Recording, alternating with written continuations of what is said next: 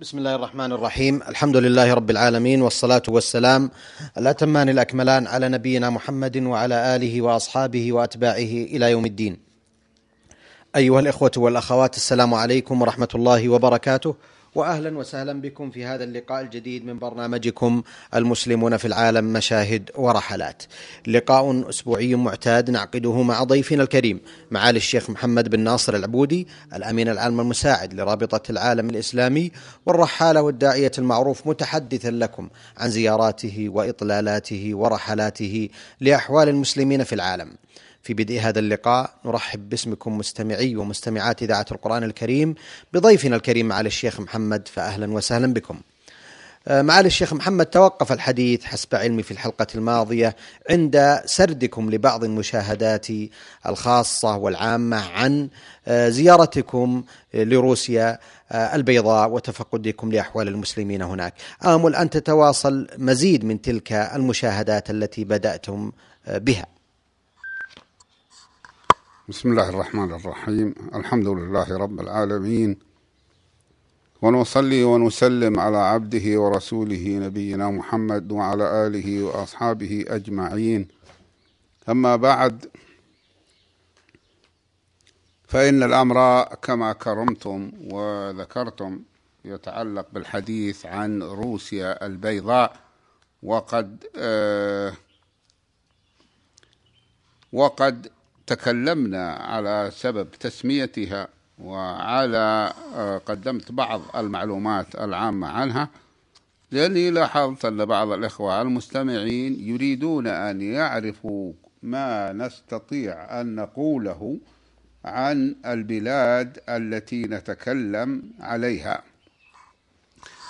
وذلك حتى يأخذوا صورة عنهم.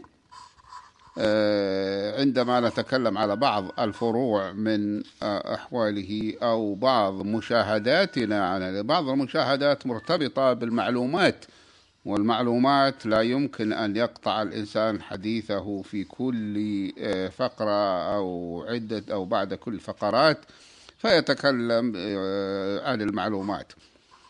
ولذلك نحن تكلمنا على سفرنا من آه، سفرنا إلى روسيا إلى روسيا البيضاء. من سفرنا من آه، من آه، تالين إلى أن وصلنا إلى مطار روسيا البيضاء مطار العاصمة منسك وقد وقفنا وقف بنا الحديث عند الوصول إلى مدينة منسك أو نقل عند الدخول إليها فدخلنا إليها واستأجرنا غرفة في فندق كبير اسمه فندق منسك بأجرة رخيصة وكان معنا الأخ عمار البحر وهو من إخواننا السودانيين آه، الجيدين جزاه الله خيرا فكان هو لساننا الناطق وكان هو سمعنا اللاقط وبدونه لا نستطيع أن نفهم ولا أن نفهم آه، في هذا الموضوع. خرجنا بعد أن استقر بنا المقام بالفندق إلى مطعم مناسب مع الأخ عمار البحر وهو كما قلت يجيد اللغة الروسية ويعرف لغة بيلاروس ويسمونها هنا البيلاروسية. بمعنى لغة روسيا البيضاء. وقد ركبنا سيارة آه، أجرة تاكسي إلى المطعم دفع الأخ عمار أجرتها ثلاثة آلاف روبل بيلاروسي أي روسي أبيض ويساوي ذلك أقل من دولار واحد. من الدولارات الأمريكية وما يجدر ذكره أن روبل بيلاروس هو غير روبل جمهورية روسيا الاتحادية التي يساوي الدولار منها 1800 روبل. وهذا أي روبل هذه البلاد يصرف الدولار الأمريكي الواحد آلاف ومئة روبل. هذا كله عندما وصلنا إليها وقد تغير الآن في البلدين.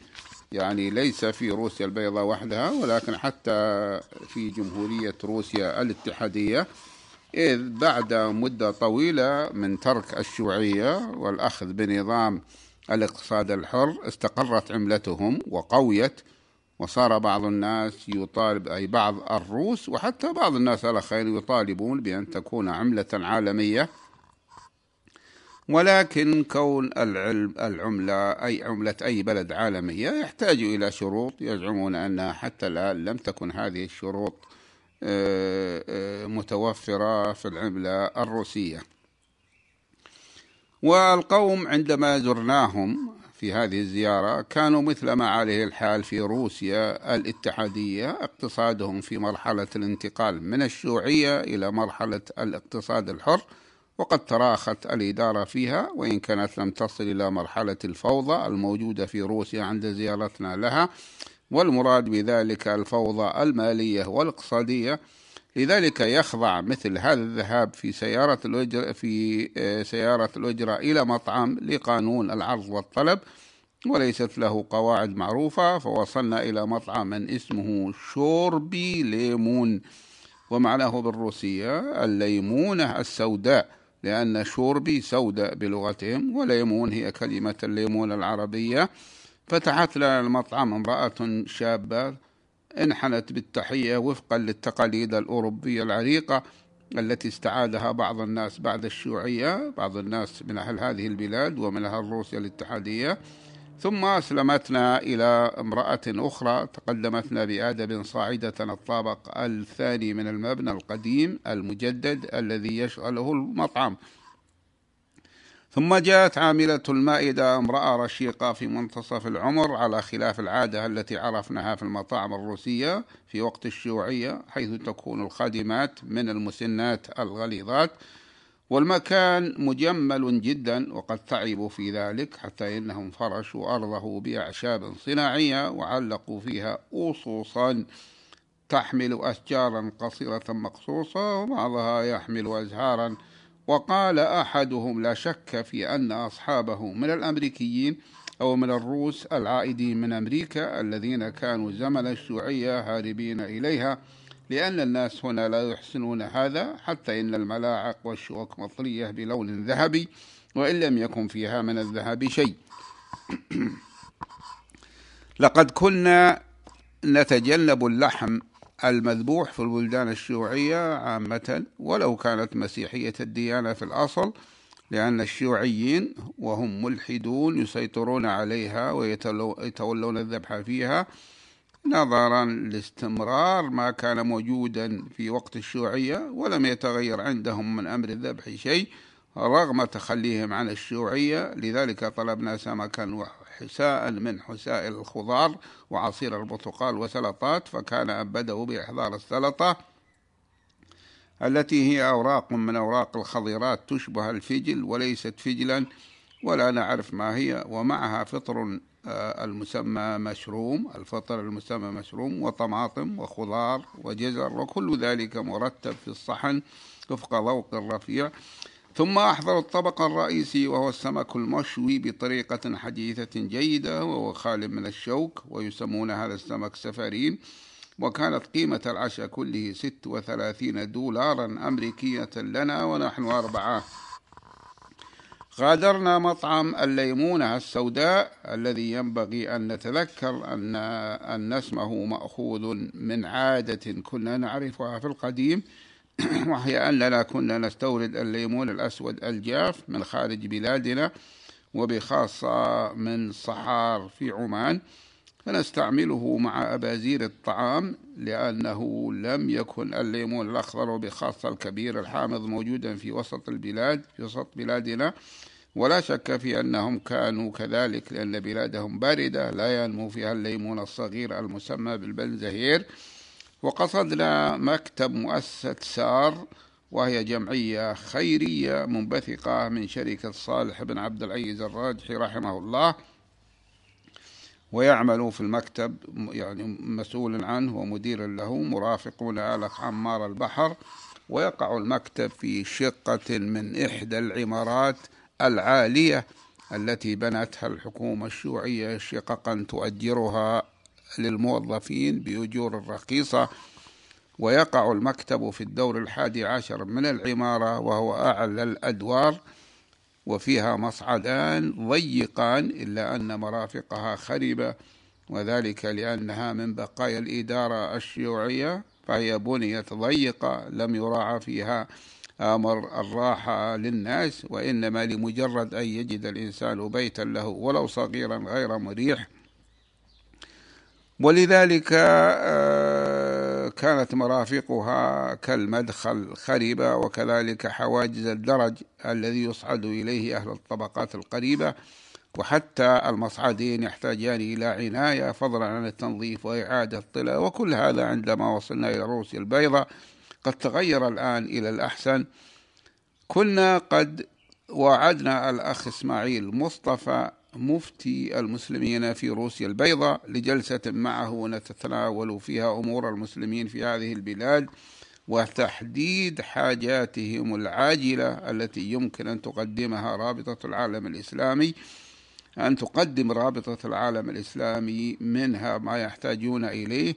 وللمفتي مكتب في مقر مؤسسة سار هذه المؤسسة لهم أي أن المكتب للجمعية الإسلامية للمفتي وهو في الوقت نفسه مقر الجمعية الإسلامية أي أنه للجمعية وللمفتي ولأنهم ليست لديهم القدرة على استئجار مقر للإفتاء ومقر للجمعية حتى ولا واحد منهما وهم أضعف حالا ومالا من أن يستطيعوا أن يستأجروا لهم مكتبا خاصا بهم إضافة إلى أن مؤسستهم هذه حديثة النشأة لم تجري أي اتصالات مع الجهات الإسلامية المانحة للمعونات في الوطن الإسلامي.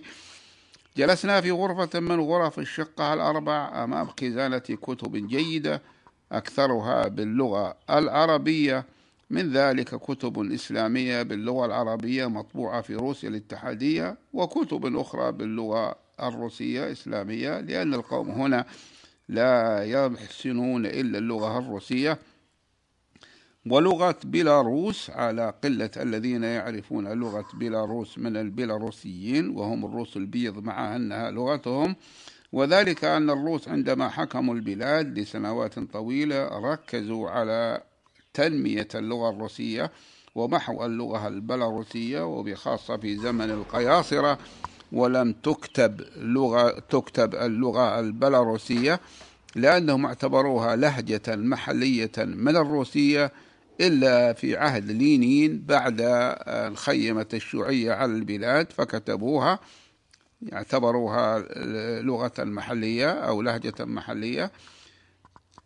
هذا وقد وصل إلينا مفتي روسيا البيضاء الأخ إسماعيل مصطفى ألكسندر فيتش والمفتي في هذه البلاد وفي أقطار البلطيق الثلاثة التي زرناها قبل زيارتنا لروسيا البيضاء. هذه لا تشترط في المفتي المعرفة بأمور الدين وإنما يكون بمثابة رئيس المسلمين أو رئيس الذين يعملون في الحقل الإسلامي. فالأخ المفتي إسماعيل لم يدرس الدين الإسلامي وليس لديه من الفقه فيه ما يستحق الذكر. ومع ذلك فإنه لم يعين في منصبه أو نقل لم يتم اختياره ولم يعين تعين في منصب كما يفهم ليكون له راتب فليس له راتب. ولم يختار آه، لهذا المنصب إلا في آه، شهر آه، فبراير من عام 1994 أي منذ سبعة أشهر تقريبا. وقبل ذلك لم يكن يوجد في روسيا البيضاء مفتن لكن ما نقص من فقهه في الدين زاد من حبه للنهوض بالمسلمين في العودة إلى منابع قومه التتار المسلمين وحرصه على ذلك مع ضعف الإمكانات وعدم معرفة كيفية الاتصال بالحواضر الإسلامية التي قد تساعد المسلمين. تحدث المفتي طويلا عن أحوال المسلمين في روسيا البيضاء فكان مما قال وحديثه مهم لنا لماذا؟ لأنه مهتم وعامل في هذا الحقل الإسلامي وثانيا لأنه لم تكن لدينا أي معلومات عن المسلمين في روسيا البيضاء فكان لحديثه وقع كبير في نفوسنا وكان مهما لنا من ذلك أن قال استوطن التتار أجزاء من روسيا البيضاء في عهد دولة آلتون أوردة وأنا أقول إن آلتون أوردة معناها آه، القبيلة الذهبية آلتون ذهبي وأردى قبيلة أو فرع من قبيلة وهذه القبيلة الروسية هي التي جاء منها هذه القبيلة المنغولية أو نقول كما يسمونها التتارية هي التي ذهب منها التتار إلى الشمال. شمال الأرض وأسسوا دولة إسلامية قوية استمرت آه، آه، عدة قرون ربما ثلاثة قرون أو قرنين ونصف. قال ثم توافد إليها المسلمون يعني إلى دولة ألتون أوردا التتار من شبه جزيرة القرم في القرنين الثامن عشر والتاسع عشر الميلاديين.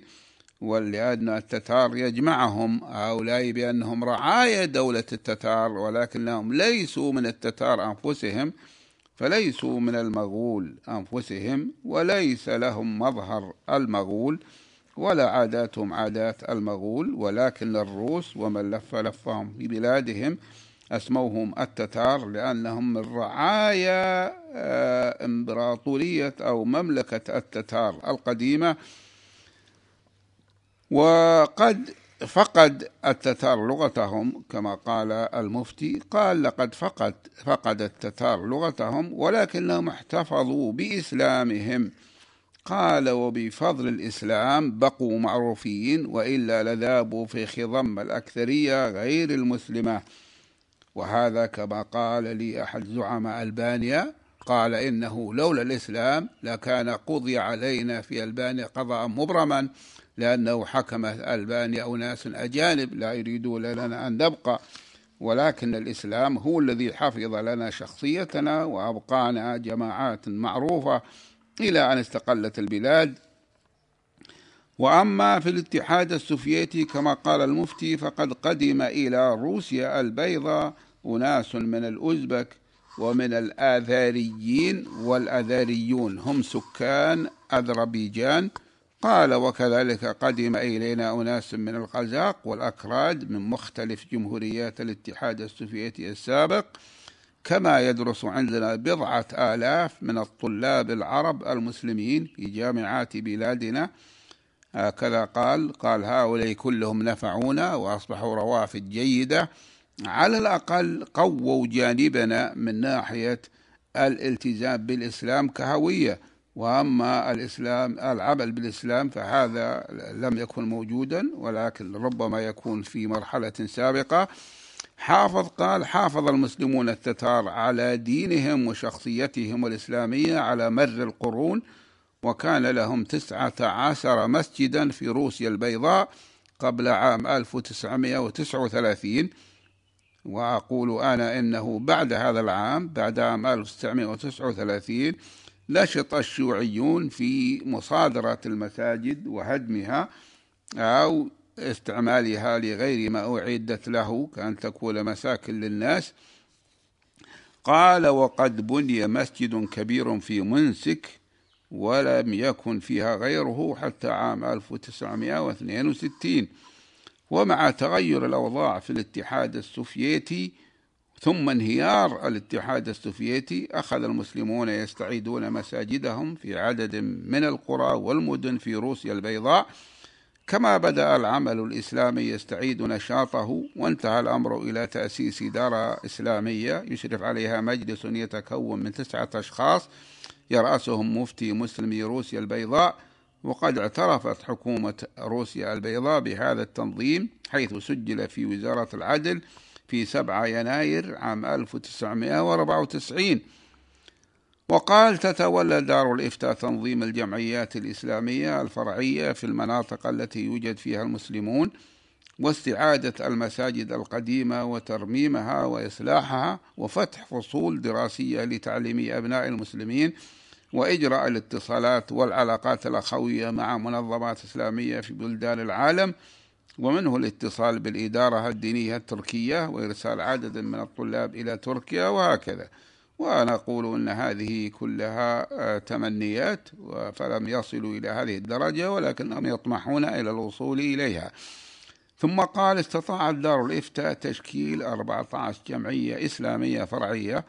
يعني إذا كانت هناك مدينة ولا قرية كبيرة وفيها مسلمون فإن المسلمين يؤلفون جمعية إسلامية صغيرة أو كبيرة حسب وجودهم في القرية لأن الحكومة لا تعترف بالعمل الفردي الإسلامي ولا المسيحي ولا غيره بل يجب أن يكون كل هذه الأعمال تكون بوساطة جمعيات لا يقل عدد أعضاء كل جمعية عن سبعة وتتقدم إلى الحكومة وتسجل جمعيتها عندها.